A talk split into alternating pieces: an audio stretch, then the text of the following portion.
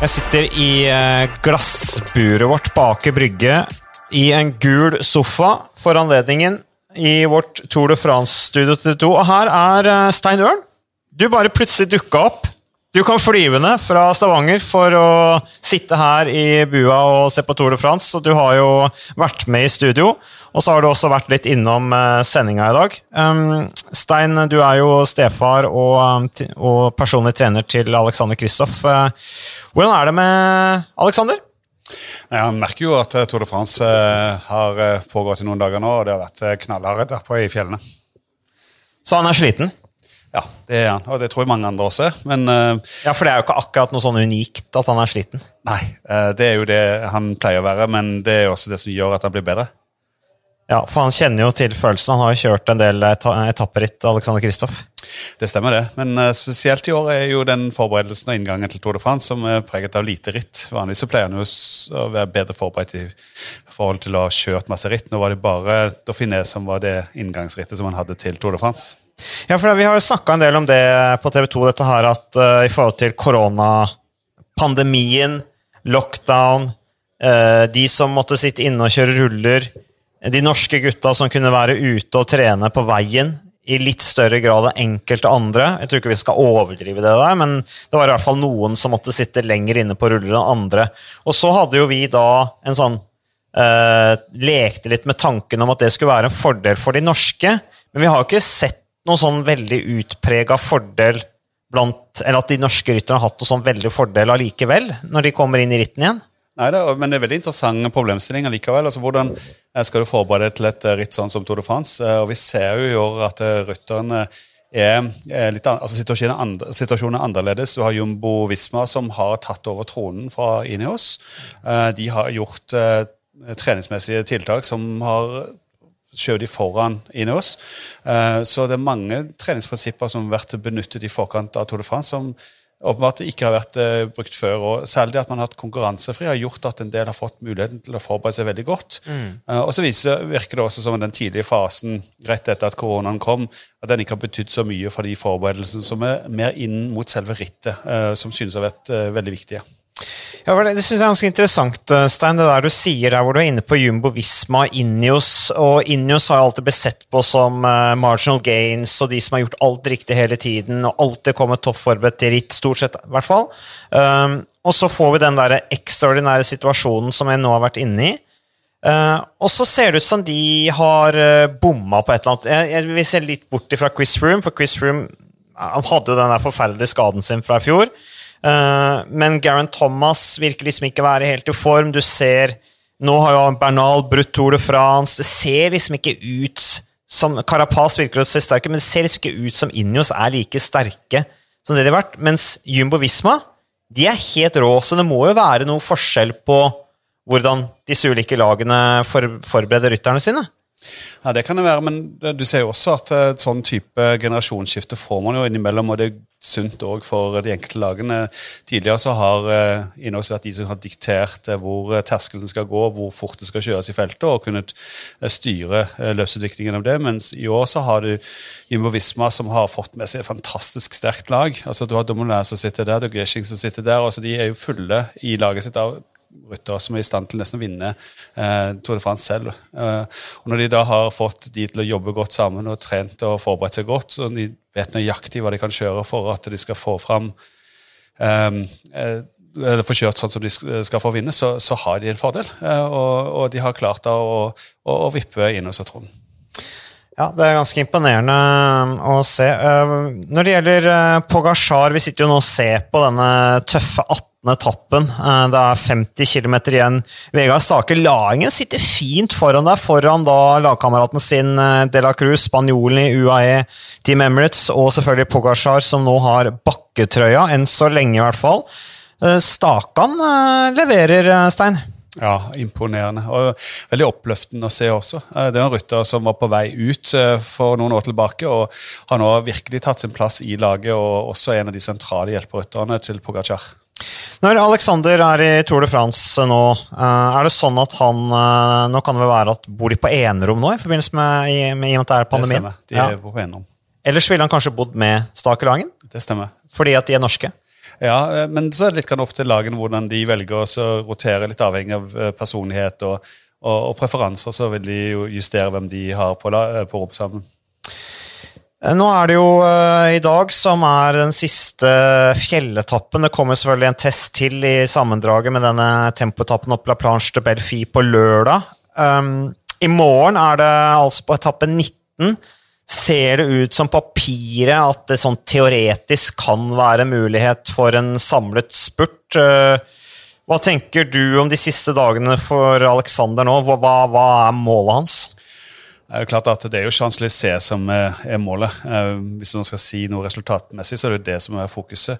Eh, I morgen så er det en etappe som veldig fort kan ende i en spurt, eh, men samtidig så er Sagaen helt avhengig av å klare å splitte den hvis han skal ha sjanse til å vinne den grønne trøyen. Så han er nødt til å angripe og prøve å riste av seg benet. Så eh, hva som blir utfallet i morgen, det er avhengig veldig mye av hvor mye Bora klarer å aktivere i feltet, og i hvor stor grad eh, det kunne Quickstep eh, miste evnen til å forsvare seg. Så det blir en spennende etappe i morgen morgen også. Du har jo snakket selvfølgelig med Alexander eh, underveis, eh, selv om han begynner å bli en voksen mann, han også, så du snakker kanskje litt mindre med han enn det du gjorde tidligere i karrieren. Men hva sier han om rittet så, så langt? Hva er hans inntrykk av Tour de France? Hva er din, hans tilbakemeldinger til deg? Nei, Vi snakker ikke så veldig mye om det. Det blir mer et dag-til-dag-situasjon. Uh, det er klart, Han gikk jo inn i rittet med å vinne første etappe og kjøre to dager med grønn trøye. så at, det er jo med en viss forventning da du fortsetter rittet, og så møter du et ritt som aldri har gått så fort som det gjør nå. Mm. Eh, det går enormt fort i bakkene, det er harde etapper. Eh, og det er klart at Da blir det jo en eh, kontrast mellom starten og, og, og det harde forløpet som har vært de siste dagene. Nå nærmer det seg ved slutten. og Du merker jo svingningen i humør avhengig av hvordan man er i løpet av rittet. og Det er jo dager som er bedre enn andre. og akkurat nå i går så var han relativt sliten, og så får vi se hvordan hvordan det er etter dagens etappe. Men Alexander kom jo inn i Tour de France med et brak. Vinner første etappe. Uh, er den første som vinner første etappe siden uh, Tor Husov vant uh, prologen. Det kan du jo egentlig ikke kalle den første etappe, men ta gul trøye. andre nordmann i historien som tar gul trøye. Um, og altså Tenk på hvordan, hvordan vært liksom, hvilke forventninger hadde du etter det? Det må jo ha vært en fantastisk uh, følelse? Ja, men For det første så må vi jo si at uh, den uken før Tour de France starta, var jo et uh, punkt hvor vi hadde økt formen. Og forventningen var jo egentlig å prøve å slåss om seieren i Europamesterskapet. Så når han kommer til første etappen, så har han jo med seg en forberedelse som er basert på én dagers løp og det å spurte. Eh, og det fikk han jo veldig mye bruk for i første etappen, og, og egentlig betalt for den forberedelsen. Um, så uh, sånn som situasjonen er nå, så tenker jeg at uh, vi får vel bare se. Ja, Satse på seier på siste. Ja. Ja, vi snakka litt om det tidligere. Han har liksom, litt sånn fullt tatt det ene resultatet etter det andre som har gjort han historisk i forhold til bl.a. Tor Husov. Uh, og i og med at Tor har vunnet første og siste etappe i Tour de France, så er vel det det neste, da? Stemmer det. Det blir jo en sånn en uh, liten uh, uh, tanke om at det går an å gjenta, for det noen har gjort det før, men jeg tror det blir veldig tøft. Dagens etappe er knallhard, og det dreier seg om å restituere seg. Så, men det som er spesielt med Alexander, han er veldig flink i, i løp, og han kjenner avslutningene. og det vet han definitivt i, på Champs-Élysées, så han vet nok hvordan han skal kjøre for å vinne der, men om han har beina til det, det må jo det får vi se på søndag. Hvem er liksom Hvem er, mener du er favoritten til å vinne på Champs-Élysées? Det virker det som om uh, Caleb Ewan klarer seg. Um, det vi har sett, er at uh, Sagan ikke lenger har den farten som trengs. Um, og så er spørsmålet hva Bennett kommer til å gjøre. med Caleb Ewan er jo utgangspunktet, hvis han overlever fjellene nå, den store favoritten på Champs-Élysées også. Mm. Vi var litt inne på det tidligere i Tour de France-sendingen eh, på TV. Eh, så gikk vi gjennom eh, Tour de France-seierne til, til, Alexander og opplevde disse fantastiske øyeblikkene igjen. Jeg tror du fikk litt gåsehud når du så det, Stein, men så ble du spurt av Christian Påske om hva, hvilke av de seierne er på en måte den, den som du syns er best, da, smaker best. Og da sa du ja, det er etappen nå til NIS, første etappen i årets utgave. Hvorfor det?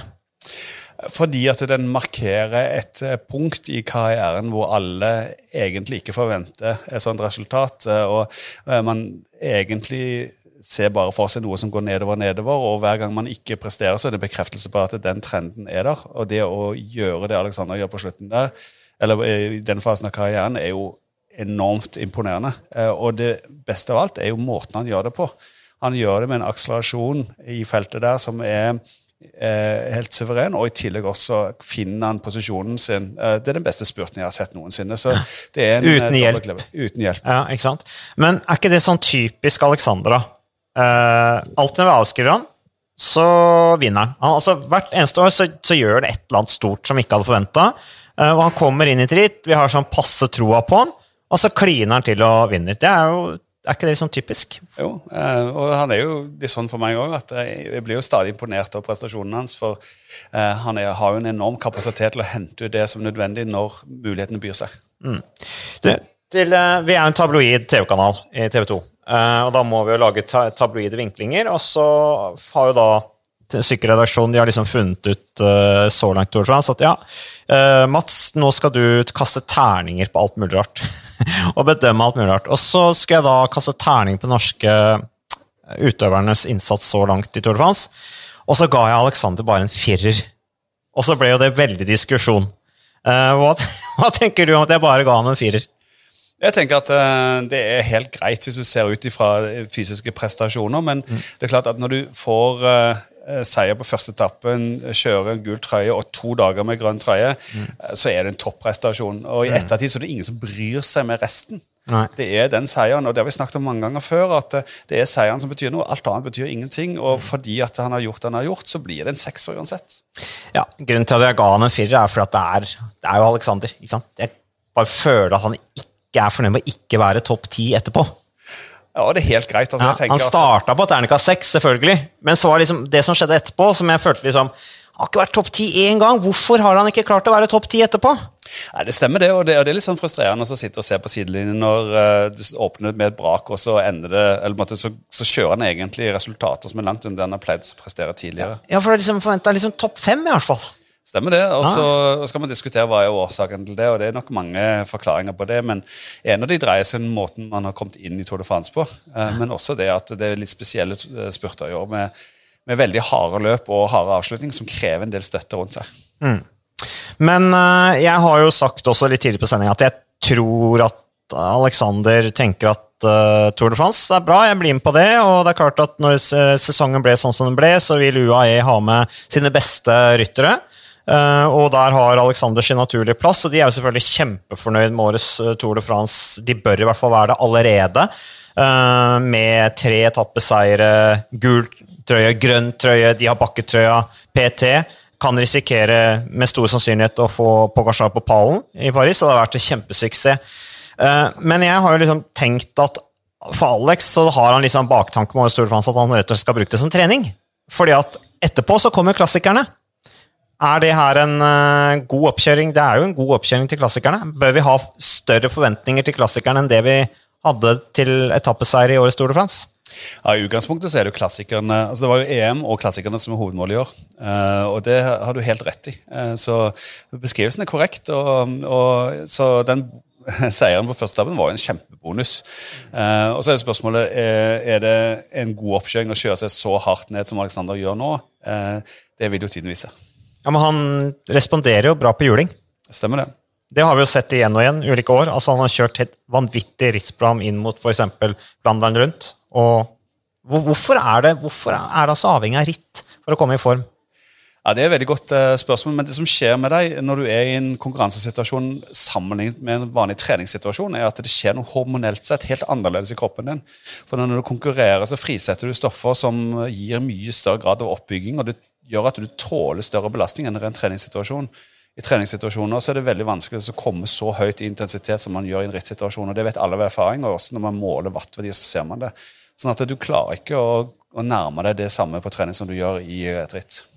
Jeg har jo sykla ritt selv eh, og var proff, og det er klart at den julinga du får i ritt, den, den får du ikke noe annet sted. Eh, så det du sier at, Men, allikevel så ser vi noen ryttere som allikevel ikke konkurrerer så mye, eh, og som er, tydeligvis responderer best på det. Så det er jo litt avhengig av hva slags type du er, da.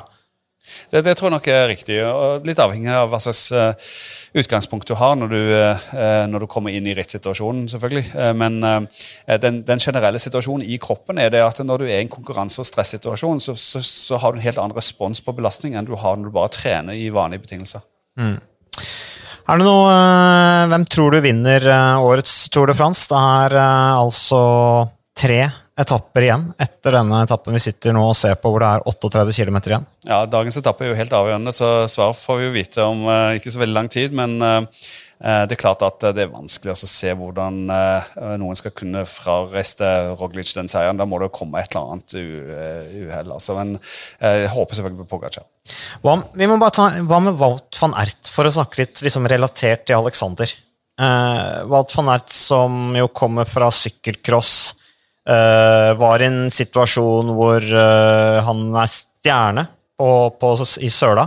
Um, og var liksom spørsmålet hvor han skulle havne i forhold til landeveissatsing. Plutselig gikk han litt tidligere enn man trodde til Jumbo Visma. Uh, fordi at det var en konflikt med disse smålagene i Belgia som han alternativt skulle kjøre for. og så kommer han inn i landeveissyklingen sånn som han gjør. skader seg kjempestygt i Tour de France i år, kommer tilbake og er helt vanvittig. Hva tenker du om han de klassikerne? Jo, en veldig godt poeng, eh, og en skummel utfordrer. Det er det du har å si om den saken? Ja, den, Han er kjempeskummel. Definitivt en av de store. Sagan kommer ikke til å kjøre klassikeren, i hvert fall ikke i utgangspunktet. Uh, han skal kjøre giroen, uh, så vidt annonsert, uh, men vi får vi se, da. Men det er klart at der, der sitter det jo en av de store Eh, store kandidaten til å vinne de klassikerne. Det er helt åpenbart. Men tror du han kan ha mista litt av punchen, litt av trøkket, som han skal ha i klassikerne, ved at han er så god som han er nå på det litt sånn jevne, høye intensiteten som han viser i fjellene i Tour de France? det er et veldig godt og uh, relevant spørsmål, fordi uh, kroppen vil jo tilpasse seg det du gjør til enhver tid. og Da er det spørsmål hvor mye av de egenskapene som er eksplosivitet, og som du trenger for og eh, lykkes i klassikeren. Hvor mye klarer han å bevare til tross for at han nå utvikler den grunnleggende fysikken sin. Og der tror jeg at han, at han er så godt eh, eh han er så godt modellert eh, kroppslig sett at han, han, det gjør ikke noe. Han kommer bare til å ha et høyere utgangspunkt når han starter på klassikerne. Følger du, altså, litt, bare Ta litt om klassikerne nå, eh, før vi legger på her, men, eller avslutter. Men Mathieu van de Poel, apropos sykkelcross, er det sånn at du følger litt med på noen sånne utvalgte ryttere som du tror kommer til å bli bra i klassikerne, eller har du mest fokus på Alexander? Jeg tror eh, at du er nødt til å fokusere på deg selv alltid. Mm. i utgangspunktet, Men det er klart når du kommer til selve rittsituasjonen, og i forkant av rittet, så må han jo begynne å legge planer som er litt mer strategiske. Men for Aleksanders del så er han nødt til å gjøre eh, ritt som er basert på, eh, på de strategiene vi vet fra før, og de svakhetene han har hatt fra før. Så I fjor så kjørte han eh, veldig bra eh, Flandern, eh, og missa litt på at han gjorde det bra i Ode Kvarmont, og så bomma han i Paterberg. Mm. og Dermed fikk han ikke sitte i første gruppe, så i år så gjelder det å gjøre det begge delene rett. Ja.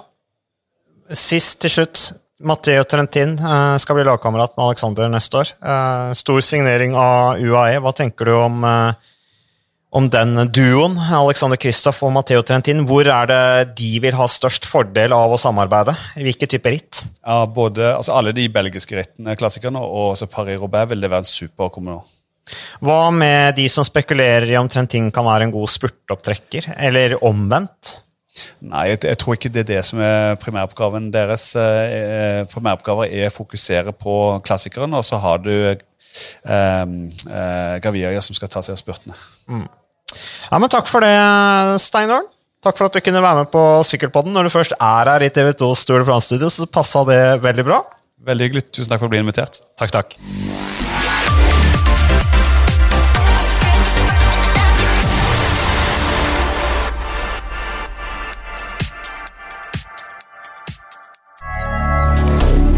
Moderne media.